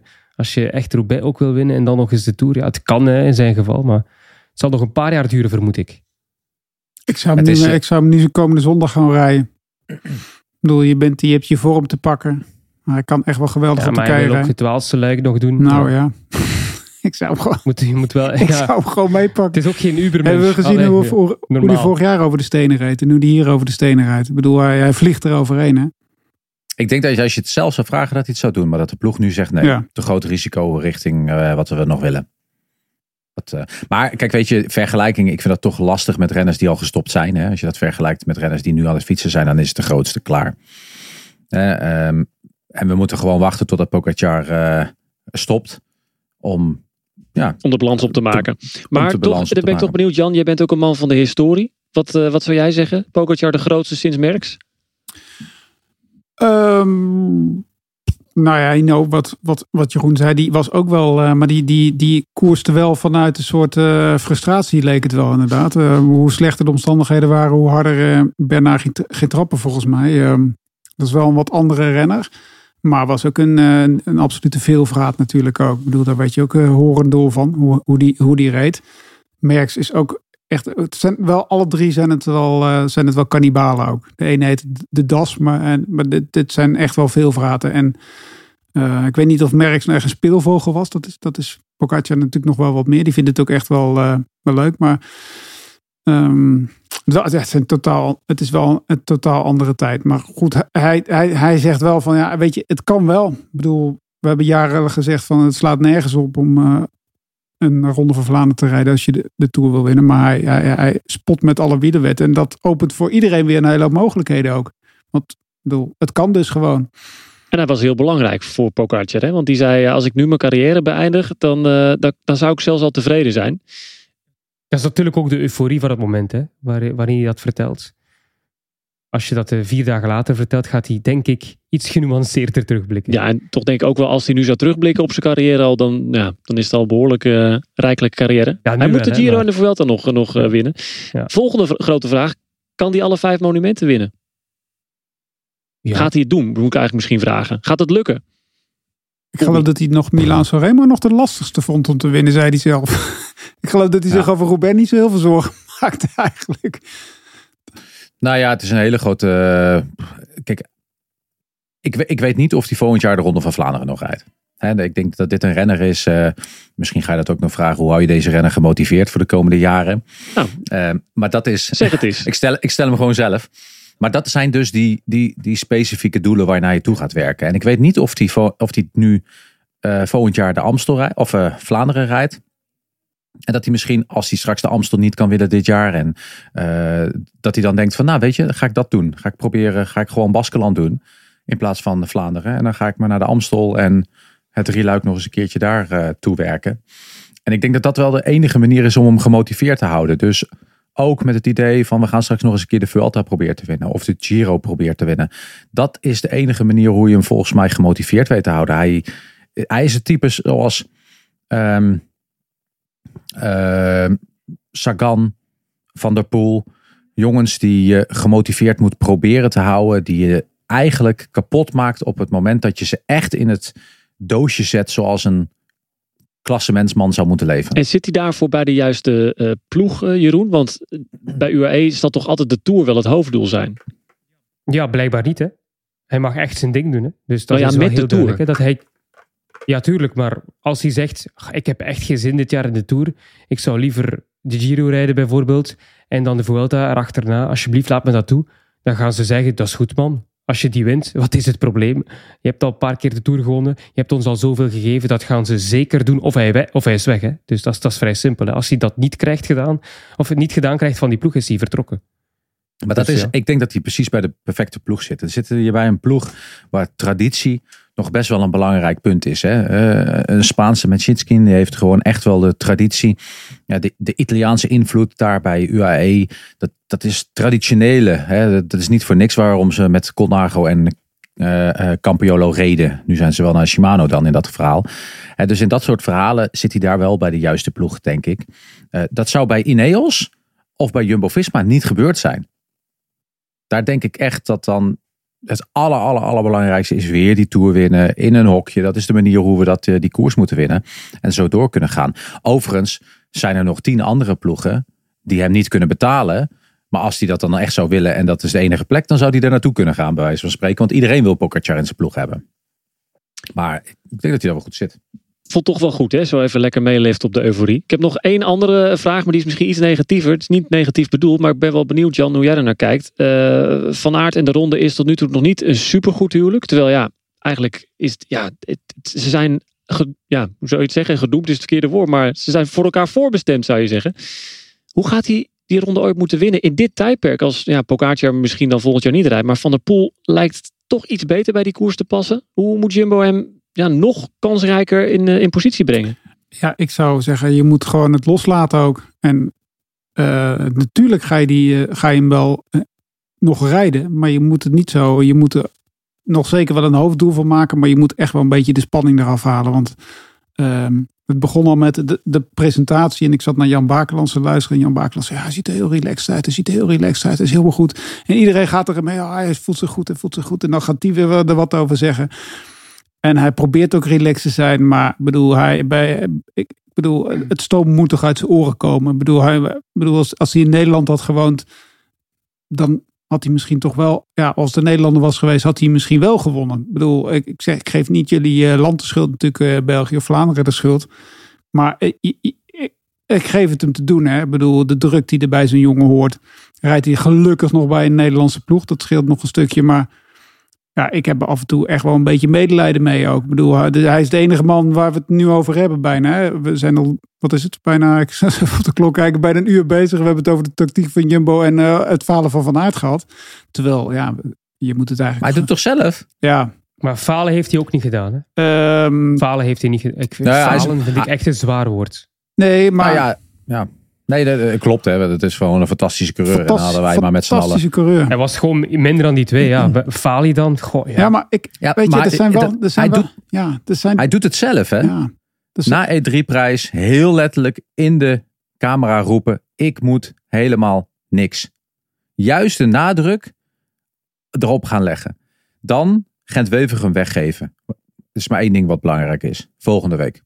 Dan de ploegleiding, Marijn Zeeman zegt gewoon letterlijk: als wij niet een van die twee wedstrijden winnen, is ons voorjaar mislukt. Hoe kun je dat zeggen? Met vijf van die fantastische klassiekers. Hoe kun je dat slechten? Als je dat allemaal doet, moet je niet gaan lopen miepen over druk. Dan maak je die druk. En ik denk ook dat hij het aan kan, hè? want weet je, WK in, uh, in Biles. Hoe hoog was de druk daar? Hè, met het verhaal over uh, uh, zijn testen, zijn testen rondtesten of weet ik veel wat voor testen dat ook weer waren. Niet bekend maken wel of niet. Weet je wel, dat spel dat werd nog hoger en harder gespeeld dan dat het er hier is. Hè? Nou. Wat vooral euforie is. BK Veld. Ja, ik, ik, kan Jan wel volgen hoor, want er zijn nu ook duizend en één podcasts en alle grote namen uit de wielersport in Vlaanderen moeten hun mening geven over die ronde, over, over Van Aert. En je krijgt dat toch altijd mee. Je, kunt, je leeft niet in een, eh, in een hol onder de grond. Hè. Iedereen uh, praat over jou en iedereen heeft een mening over jou. Dat was vroeger niet zo, Bobby. Hè? Jongens, Je hebt hier een telefoon, hè? die heb ik nu in mijn handen. Hè? Hier zit een knop, hè? Ja, maar, Ja, maar hij is ook een vrouw, hij, hè? hij ziet ook maar hij is mensen. een vrouw hè. die gaat ook naar de bakker en die komt thuis zeg maar Wout, eh, wat ze nu allemaal eh, hij zeggen. moet ook interviews doen. Hij moet, ja, Nee, dat moet helemaal niks. Je moet, je moet, je moet Ja. helemaal niks. Dan, als dat de manier is, dan gaan we dat volgend jaar doen. Ik hoorde, jou Als dat de oplossing is. Hoorde Jeroen in het fragment net, net zeggen, wat heeft Van der Poel gegeten? Maar ik denk nu ook, Bobby, wat heb jij gegeten? Want je, je zit eh, vol vuur. Ja, nee, maar dat is de mooiste koers van het jaar, jongen. En ik, ik gun het van aard ook gewoon. Weet je wel, van het gezeik af te zijn. Want ik, ik doe er net zo hard aan mee, hoor. En, en dat, omdat ik gevoerd word door dit soort opmerkingen van Jumbo-Visma. En van Wout zelf en het weggeven van, eh van Gent-Wevergem. Dan word ik daar gewoon gevoerd. Maar we gaan zo meteen de voorbereiding, voorbereidingen doen. Of de voorbeschouwingen doen volgens mij. Van een andere grote koers die eraan gaat komen. Die moet die Ik weet wie mijn favoriet is. Die moet die ik winnen. weet wie er wint. Oké, hou hem vast. Ik ga nog één keer... Oh, je weet al wie er wint. Dat is wel gemakkelijk. Ik weet, ja, dat wist ik de vorige keer ook. Hebben jullie dat trouwens gehoord? Wie, er, wie ik voorspeld had? Ik had Pitcock, maar die had een honger. Heel moeilijk, hè? Eén van die drie, heel moeilijk. Ja, wie had jij dan? Ik had eh, de verkeerde nummer twee. Ah, Oké. Nou, over die nummer twee heel kort, want we moeten er inderdaad een beetje doorheen. Maar die is ook wel een reeks aan het neerzetten. Twee keer tweede, twee keer eerste en vierde. Die, eh, ja, dat is ook bijna ongezien, toch Jeroen? In de ronde. Ja. ja, ik zeg het. Ik hou van Mathieu van der Poel. Of dat nu een eh Belg, Nederlander of Italiaan is. Ik vind dat zo'n geweldige coureur. Ook die interviews, doodeerlijk, lachend. Ja, ik vind dat echt een fantastische kerel. En ja, hij valt dan aan op die Kruisberg, probeert het even. Ja, heeft eh, Van Aert geliquideerd. En dan tegen, van der, tegen Pogacar, ja, was gewoon te goed. En ah, zo simpel is het. Ja, ik hou er wel van, van zijn eerlijkheid. Hij, is, hij was ook niet zo ontgoocheld, had ik het gevoel. Hij was, was best oké. ja, ik heb mijn beste ronde ooit gereden. En er was nog eentje veel beter. Ja, oké, ja, geen probleem. Dan is, En volgende week gaat hij het opnieuw proberen. En als het dan lukt, top. Maar hij heeft natuurlijk al Sanremo gewonnen. Hè. Die zijn voorjaar, ik, ik heb het toen ook al gezegd, die is voor mij geslaagd. Als je een monument wint in het voorjaar, geslaagd. we gaan het zo hebben over het volgende monument. Heel kort, ik denk dat we het heel kort kunnen afdoen namelijk. Hebben jullie nog eh, ingeschakeld voor de vrouwenkoers daarna? Want dat was toch wel een ander verhaal qua eh, spanning. Ehm, bij Jumbo-Visma hebben we het veel gehad bij, bij de, de, mannenkoersen. Zeker in aanloop naar de ronde. SD-Works doet dat bij de vrouwen. Maar ja, Bobby, wat, wat was dat nou? De rest komt niet eens in de buurt. Er, komt, er is niet eens echt sprake van een achtervolging als er eentje van die ploeg weg is. Lotte Kopecky won, even voor de duidelijkheid. Ja, nou ja, wat, wat heel veel, of het hele peloton eigenlijk had. eh, als ze überhaupt dachten dat ze top 10 zouden kunnen rijden. Dat ze in de, bij de mannen op plek 4 zouden kunnen eindigen. Dat was bij de vrouwen het verhaal van ja, als je achter één renster. En in sommige meeste gevallen zelfs twee rensters van SD Works. Dat is het hoogst haalbare. Dus je kunt er maar beter één laten rijden. Dan kijken we daarna wel hoe we dan alsnog mee op het podium komen. Ja, SD Works, de ploeg van eh, Danny Stam, is eh, zo dominant. Dat, eh, ja, dat, dat het echt heel, heel speciale reeksen aan het maken zijn daar. Is, is het daarmee nog wel leuk om naar te kijken? Is het goed voor de koers ook dat er één ploeg zo erg heerst? Want zij pakken echt alles. Hè? Het is niet dat ze tussendoor nog ja, de, de pannen, daar won de DSM. Maar verder winnen ze alles. Ja, ik vind het, eh, nou ja, ik vind het op zich nog steeds mooi. Eh, maar inderdaad, weet je, je moet, je moet dan niet kijken naar SD-Works. Hè? Want we moeten niet SD-Works gaan kritiseren. Zij doen het goed. Het zijn juist die andere ploegen die dan maar met elkaar moeten nadenken over hoe ze dat gaan doen. Als jij daar met, eh, nou, hoeveel rensters zaten er achter, eh, achter, de, achter ehm Kopecky? Zaten natuurlijk Reuser en eh, Vollering voor SD-Works zaten er dan nog bij. En dan waren ze daar met vijf, zes man, of vrouw, moet je dan eigenlijk zeggen. En telkens moest Longo Borghini, Ja, die eraf gereden wordt, terug. terug op kop gaan rijden. Ja, dan doen die andere rensters wat verkeerd. En dat is dus Hmm. hetgeen wat ik zeg. Die andere ploegen gaan nadenken over hoe kan ik deze wedstrijd gaan winnen. Of in ieder geval zo hoog mogelijk eindigen. En dat doe je dus niet op deze manier. Dat moet je dus gaan samenwerken en proberen erachteraan te gaan, gaan rijden. En, en dan Longo Borghini rijdt nog podium ook. Ja, het is natuurlijk wel in Gent-Wever. Dan hebben Ja. ze het eigenlijk verkeerd gedaan bij Trek. Moesten ze het omgekeerd doen. Maar ja, dan moet je Shirin van Anrooy moet je dan eh, opofferen. En dat wil je natuurlijk ook niet als jonge gast. Maar volgens mij was Gent-Wevergem wel echt het, het, het, het, een beetje het dieptepunt als je daar dan van kan spreken. Want is natuurlijk de dominantie is natuurlijk mooi. Maar die andere ploegen laten zich ook wel, ja, ik zeg niet naar de slagbank leiden. Maar het, is ook niet, het lijkt wel of dat ze bevriezen of zo. Als er een, als er een renner eh, van SD Works gaat. Van ja, er is nooit, is nooit een plan of zo. Eh, Ik bedoel, we hebben bij de mannenwedstrijd honderd plannen gezien. Hoe je ze ook uit Ik kan heb het-. Ik heb het na, niet in de podcast, maar tegen andere mensen gezegd. Na de ronde van Drenthe van vrouwen. Dan zie ik daar ploegen op kop rijden van het peloton om de kopgroep weg te houden of alles bij elkaar te houden voor een sprint. En dan denk ik bij mezelf, voor wie doe je dit? Want er is maar voor één die je doet. En dat is voor Wiebes op dat soort momenten. En dat is de situatie. Je moet dan niet rijden. Je moet gaan bedenken over hoe ga ik het anders doen. Zoals we Groupama hebben zien rijden in de wat kleinere koersen met de jonge Britse of Engelstalige jongens. Dan, dan hebben ze zoiets van, ja, we gaan gewoon lekker koersen hier. En dat, dat mis je daar uh, heel veel. Maar ja, nou. Nog wel even eerder wie eerder ja, toekomt. Hè? Want Lotte Kopecky eh, die eh, boekte hier twee zegens achter elkaar. Uh, ik vroeg me af of Jonge Kansen nog normaal over straat in Vlaanderen. Want zij was hier wel, los van die sterkte van de ploeg, echt verreweg de beste.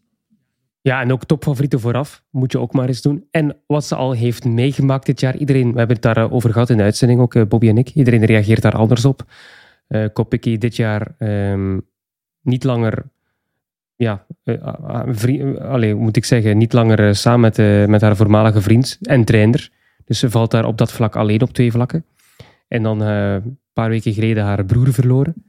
Dus je moet daar maar zien mee om te gaan. En blijkbaar heeft ze ja, die koers nodig om dat, om dat te doen. En dat spreekt voor haar natuurlijk. En dat ze dan op deze manier wint, indrukwekkend. Hè? Ik bedoel, ze was de beste. En ik, ja, ik wil ook inderdaad wel zeggen, als Kopecky niet had gewonnen, dan vonden wij Belgen het ook echt een uh, saaie wedstrijd eigenlijk. Dus uh, nu is het uh, lyrisch natuurlijk, omdat Kopecky voor de tweede keer de ronde wint, wat echt uniek is voor een Belgische coureur, die, ja, om dat zo um, te presteren als vrouw. Dat hebben we nog nooit gezien wij in België. Dus ja, ze is wel bijzonder populair. Maar om te zeggen dat ze niet over straat kan lopen, het is nog geen tombonen toestand. Dat nog niet, Andries. Maar ja, het was wel uh, straffe. En ze ging uh, ook op de Oude Kwaremond, hè? Op zijn pokerchars, zou je bijna kunnen zeggen. Ja, dat kon je eigenlijk al voorspellen als je zag hoe ze fietste daar net voor, hè, met overschot, met Persico. Dus, ja. Moeten we nog... Voor bij één favoriet ook hè, bij de dames. Ja, en dat was eigenlijk nog meer haar doel, zei ze van tevoren. Nog één vrouw die we moeten noemen, Annemiek van Vleuten. Um, ja, die viel eigenlijk op het slechtste moment. Vlak voor de Koppenberg glibberde ze zelf door een, uh, door een gootje. En um, dat is toch wel zonde in haar laatste ronde van Vlaanderen. Ze zei daarna dat ze haar beste 60 minuten waarde reed in, in het laatste uur. Dat is natuurlijk helemaal niks waard dan. Want ja, dan rij je achter de feiten aan. Op de Koppenberg stond ook nog, stond ook nog het hele peloton met de voet aan de grond. Maar zou de komende weken van Vleuten, is dat de enige die iets van weerwerk kan bieden tegen SD Works als eenling? Ja, maar kijk, die, die 60 minuten waarde, dat is natuurlijk heel, dat is heel fijn. Dat het niveau van Annemiek heel hoog is. Maar ik denk dat het, dat het niveau van de andere vrouw ook heel hoog is. Dus ja, wat is, wat is dat waard? Hè? Ik bedoel, dus ik, ik snap dat ze dat na. Ik neem aan dat ze dat na afloop heeft gezegd. Ze zijn mijn beste 60 minuten waren ooit. Maar het niveau van, van die andere vrouwen is ook ja, extreem hoog. Dus ja, de vraag is hoe je er bij de buurt komt. Ik vond um, Vollering eigenlijk misschien, ja, ik kan het niet zeggen, maar er was ook een momentje, de koers vond ik ook wel mooi. Ik geloof dat het op 40 kilometer was, zo Reco Pecchi demareerde. En toen zag je Vollering in de communicatie, mag ik mee of mag ik niet mee? En volgens mij hebben ze toen gezegd, ja, blijf jij maar zitten. maar die is ook wel, uh, bedoel, ja, ze zijn wel goed. Maar ja, nee, ik, ik, wie, wie, moet, wie moet SD Works verslaan? Straks in de, in de, de Waalse wedstrijden en in uh, wint uh, Parijs-Roubaix. Vollering wint Blijk Bastenaken-Luik. En de, en de Gold Race, als ze, als ze er geen potje van maken. Ik schrijf even mee hoor. ja. Nee, maar ja, ja het, het zou mooi zijn, maar um, ja, je moet, er moet wel een plan komen inderdaad. Toch? Om, uh, en, en, er moet wel een ploeg op staan die dit... Uh, en ik zeg niet dat, dat Movistar geen goede ploeg heeft, maar bedoel, de overmacht is wel zo krankzinnig groot ook. En ook knap hoe ze het doen, hè? want uiteindelijk we hebben het vaak over een aantal ploegen, over hoe, hoe krijgen ze het voor elkaar dat die chemie binnen die ploeg gewoon goed blijft. Dat is binnen deze stellen, sterrenploeg helemaal het geval. En dat doen ze wel. En dat is uh, petje af voor, uh, voor Stam, uh, Boom en ook zeker Van Vleuten en Chantal Blaak. Ondanks uh, Strade Bianca. oh, sorry. Anne van der Breggen. Ja, wat zei ik? Van Vleuten. Van Vleuten. Van Vleuten, ja. Nee, sorry. Anne van der Breggen en Blaak, sorry. Ja, nou ja, dan hebben we het uur over Vlaanderen gehad. En kunnen we meteen door naar het volgende monument, Roubaix. Ja, dit zijn toch, dit zijn de weken. Dit zijn de weken waar het allemaal om draait. Zaterdag de wedstrijd bij de vrouwen, zondag bij de mannen. Dus bij Roubaix zijn die twee uit elkaar gehouden. Um, ja, welke ploegen hebben hier met name iets recht te zetten? Dat, is, ja, dat geldt natuurlijk voor alle ploegen die niet gewonnen hebben afgelopen eh, zondag. Maar ik zat te denken, ja, we hebben het heel veel over Jumbo-Visma gehad. Laten we proberen om niet alleen maar over die ploeg te hebben. Maar welke ploegen die hebben in de ronde gemerkt van, nou oké, het zit eigenlijk wel, wel, wel goed hier. Bijvoorbeeld denk aan een Pedersen van Trek Fredo, uh, van de Poel natuurlijk. En ja, wie verwachten jullie op de eerste rij? Als je het hebt over welke ploegen die iets uh, moeten rechtzetten, dan, we hebben het al gehad over Hubo, dus ik ga het daar niet uh, verder over hebben. Maar de ploeg die voor mij ook wel afwezig was door omstandigheden, was Ineos. Als ik, ik heb de deelnemerslijst helemaal overlopen van alle ploegen om nog eens uh, terug na te denken over in de ronde, over wat er gebeurde in de ronde. En ik vind dat iedereen bijna heeft gedaan wat ik had verwacht. Geprobeerd om de koers te maken of geprobeerd om te anticiperen. Bijna alle ploegen hebben eigenlijk wel gedaan wat ze konden. Maar Ineos, pff, ja, beste renner Narvaez op een 25e plek. Pitcock die heeft blijkbaar een hongerklop gekregen in de finale, waardoor hij dan pas 52ste werd. Ze hebben natuurlijk ook wel Turner die zwaar gevallen is, maar ja, in de breedte vond ik ze nu niet bepaald indrukwekkend. En eh, dat moeten ze toch proberen recht te zetten in Roubaix. En Ghana komt erbij, dus ik ben echt benieuwd wat de Ghana daar gaat presteren. Ja, ik wilde net vragen, hebben ze daar ook de ploeg voor om het recht te zetten? Maar ja, dus... Pitcock is er natuurlijk niet, hè, maar ja, Ghana wel is eigenlijk de enige voor mij die daar kans maakt voor die ploeg. Ja. Gaan, gaan er eigenlijk meer kanshebbers zijn eh, komend weekend? Want we hebben nu de hele week toegeleefd naar een grote drie ontmoeting. Uh, er zijn er straks twee, Van de Poel en Van Aert. Maar zijn er eigenlijk meer renners die we daarnaast kunnen zetten? In Roubaix? Ja. Het is een, het is, ik wou niet zeggen dat het een makkelijkere koers is. Het, is een, eh, een, een, een het zijn minder hoogtemeters, waardoor je dus een renner als Degenkolp een top 10 zou kunnen rijden dat, dat, is, dat, dat is in Vlaanderen niet. maar dat zou in Roubaix dus een optie kunnen zijn. En zo heb je wel meer renners. Um, en, de Ganna van Hooydonk bijvoorbeeld? Nou, van Hooydonk heeft hier meer kans inderdaad om een top 10 te rijden. Niet het winnen, maar top 10 te rijden dan, uh, dan in Vlaanderen. Ja. En ik denk dat ook, ja, we mogen niet over Jumbo praten, maar uh, dat is de ploeg die, die gewoon de heft in handen moet nemen. En ook gewoon de ploeg ervoor heeft, naar mijn mening. En dat kan ook meer in Roubaix. Ja, je, zeker. je kan ook heel veel pech hebben natuurlijk in Roubaix. Dat is... Nou, dat is, het, dat is het grootste probleem. Want stel dat Laporte bij jou in de ploeg zit. En er zit geen volgwagen achter. En je rijdt als vanuit lek. Of hij pech. Hmm. Is het gewoon gedaan. Ze rijden niet met hetzelfde pedaalsysteem. Is het gewoon over en uit. En dat heeft veel meer invloed in Vlaanderen. Want daar zie je die fietswissels heel vaak onder ploeggenoten.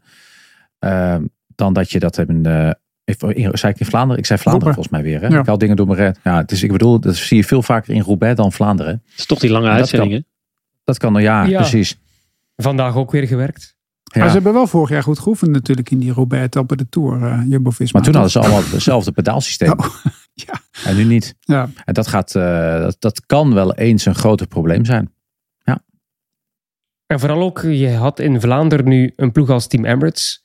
Dat heb je niet in Roubaix. Dus stel, ze sturen Laporte mee vooruit, of een Van Hooydonk, of een Van Baarle die terugkeert. Hoop je. Dan heb je, ja, Alpes in de Keuning heeft niet de ploeg in de breedte die dat kan opvangen, vrees ik. Uh, omdat Søren Krauw volgens mij ook niet start. Ik ben daar nu niet 100% zeker van. Maar ik denk dat hij dan uh, naar uh, Wallonië trekt. Of naar de Amstel met dan de Waalse koersen erbij neemt. Dus ik denk niet dat ze in de breedte Alpes in de Koning sterk genoeg zijn om Jumbo-Visma het hoofd te bieden. Als het echt tactisch gaat gebeuren met de ploegen die vooruitgestuurd worden. En dan denk ik wel dat iemand van Jumbo-Visma nog meer dan afgelopen zondag. Want ja, in die koers was gewoon de beste die wint. Dat heb je in Roubaix zeker niet altijd. Veel minder dan in de ronde.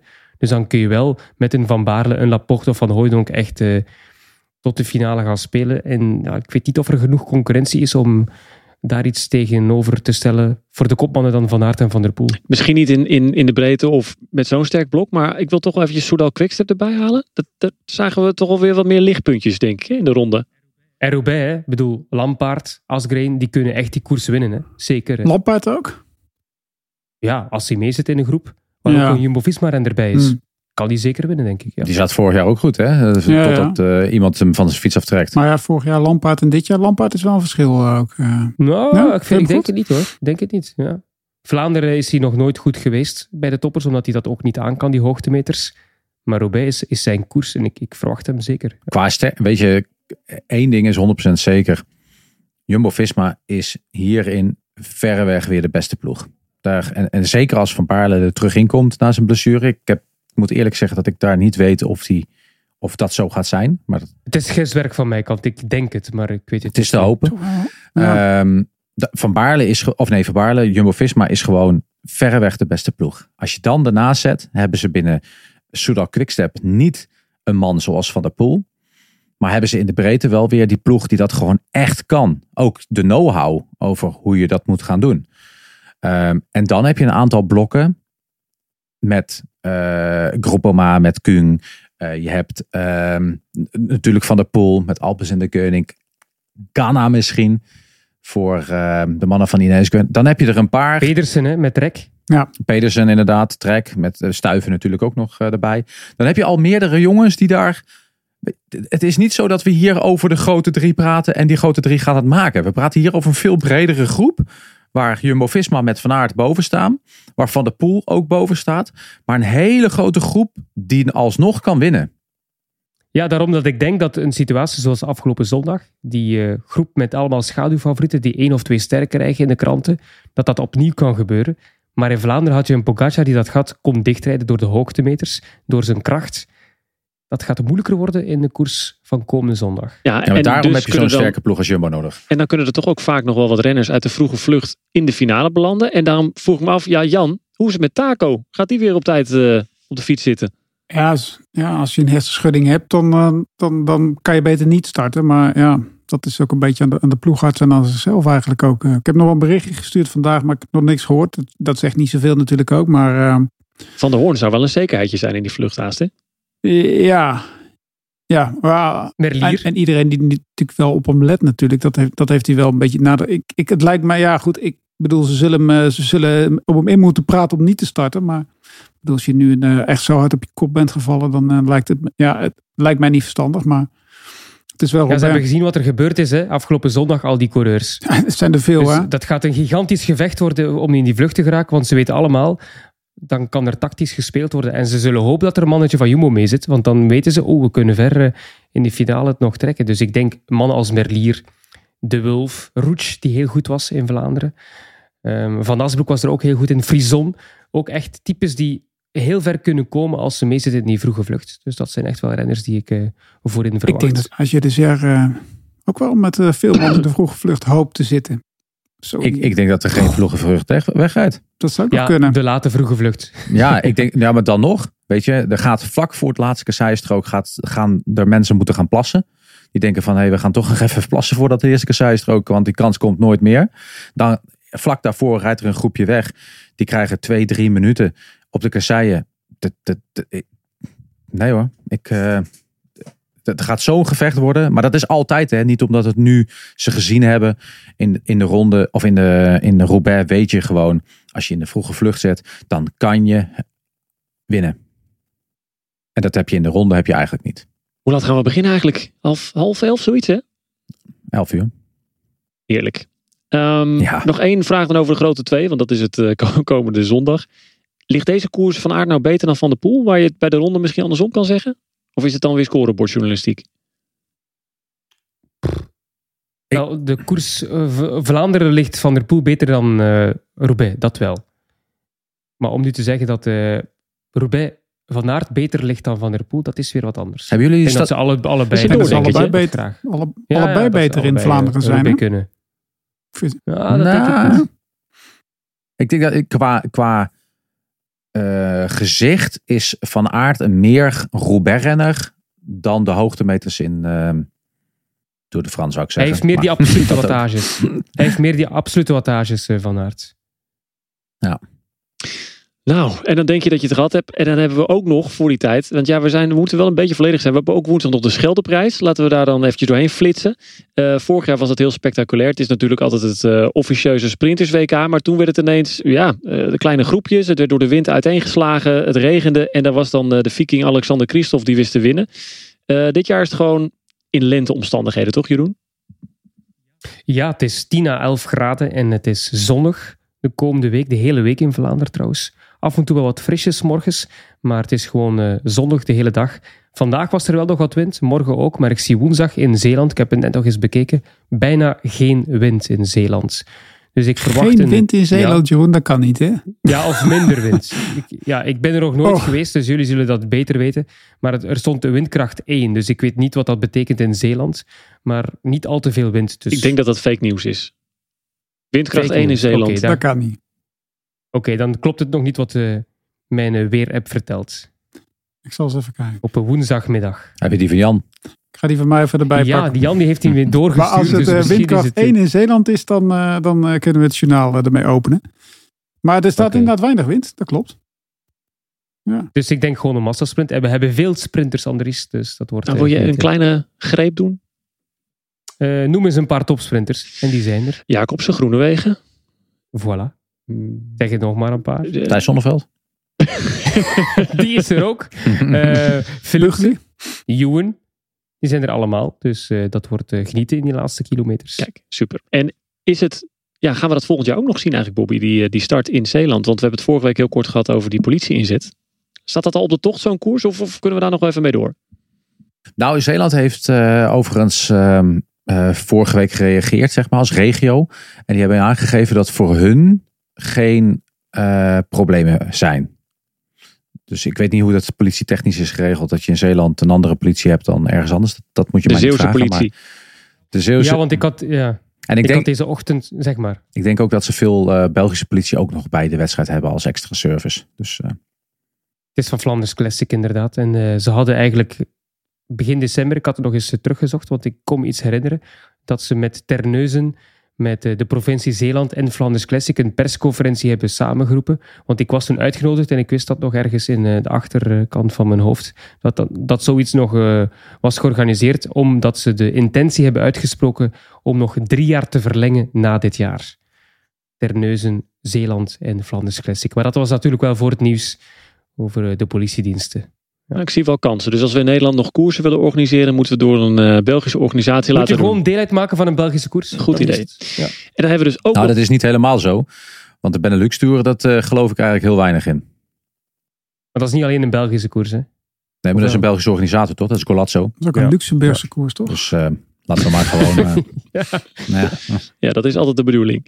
Dan tenslotte nog de Ronde van Baskeland. Die is al eh, bezig. Ehm, ja, vandaag eh, de tweede etappe op de dinsdag. En ja, daar hebben we eigenlijk vooral deze week Vingegaard die we in actie zien. Eh, Bobby, dat is de man natuurlijk die in Parijs-Nice nou ja, toch een gevoelige tik kreeg van Pogacar.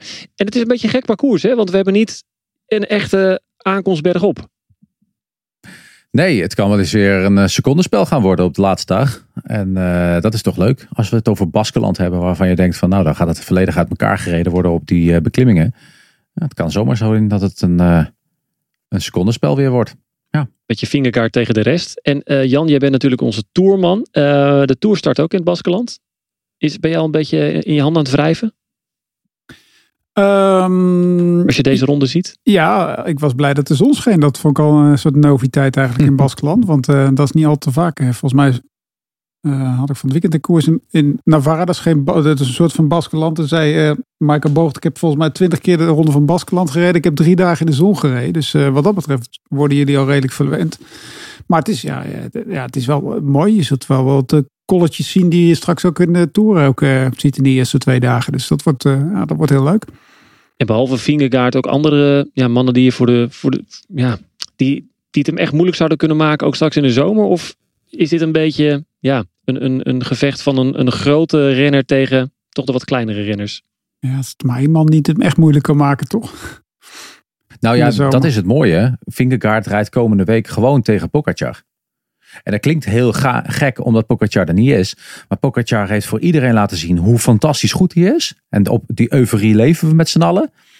En Vingegaard moet nu weer reageren. Zoals eigenlijk ook het begin van het jaar. Pogacar, Route del Sol, wint daar. Ja, hoor, dat moet Vingegaard moet dan ook. En nou, dat doet hij dan. En dan is, komen ze elkaar tegen. Dus Vingegaard... Daar kan hij tegenop, hè? Daar kan hij niet tegenop, hè, Bobby? Dat weet jij ook. Tegen die ronde, hij mag nog Baskeland met acht minuten voorsprong Nee. winnen. Precies, maar dan moet hij wel met, met, met, met bravoer deze wedstrijd winnen. Om weer een beetje gelijk te komen in het spel eh, richting de Tour de France. En het zegt helemaal niks over de Tour de France, of je nou de ronde wint of niet. Ehm, maar daardoor heel raar. We hebben geen duel. En toch rijdt Vingegaard tegen Pogacar. Omdat het daar allemaal al rondom de Tour draait. Maar het parcours in Baskeland, je hebt het vandaag ook gezegd, ik heb het nog niet zelf bestudeerd. Maar het is toch iets minder lastig dan wat Vingegaard zou gewild hebben misschien. Qua aankomsten bergop en qua moment om het verschil te maken. Dus het kan wel spannend worden met een Danny Martinez bijvoorbeeld, die ik wel goed uh, vind. Zeker, ik denk uh, dat, uh, dat is 100% waar. Ja. Het is een beetje zoals vorig jaar, een beetje de puntjes die ook naar voren ja. komen, toch Andries? Zeker. En die zaterdagrit kan je, kan ik nog een hoop verliezen hoor. Komende week dus de Ronde van Baskeland elke dag rond kwart over drie, half vier. Woensdag de Scheldeprijs die we hebben doorgenomen vanaf uh, half één. De vrouwenwedstrijd vanaf drie uur de mannenwedstrijd. En dan zaterdag Roubaix voor vrouwen. En zondag Roubaix bij de mannen. Dat is het spoorboekje. Het wordt weer een heerlijke week. Dat is de conclusie. En Sander is er volgende week weer. Uh, of, ja, of denken jullie dat die Roubaix dan straks ook alweer gaat overslaan op een of andere manier? Maar hij gaat er misschien zijn maandag, maar hij gaat zondag zeker niet gekeken hebben. Dus ja. Heb je heb je, je kandidatuur gesteld om het uh, van Sander over te nemen definitief of uh, durf je niet? Nee, hij, ik mocht maar één weekje ertussen tussendoor inschrijven. Dus nee, dat, hij, straks het regime is weer terug. Maar goed, ik... Uh, We hadden vandaag wel veel vrijheid. Ik vond het wel leuk zo. Ja, ja. ik ben niet zo strak in de leren. Ik draag jullie met uh, veel plezier weer over aan Sander. Dat was uh, Kop over Kop voor deze week. En heel graag tot volgende week.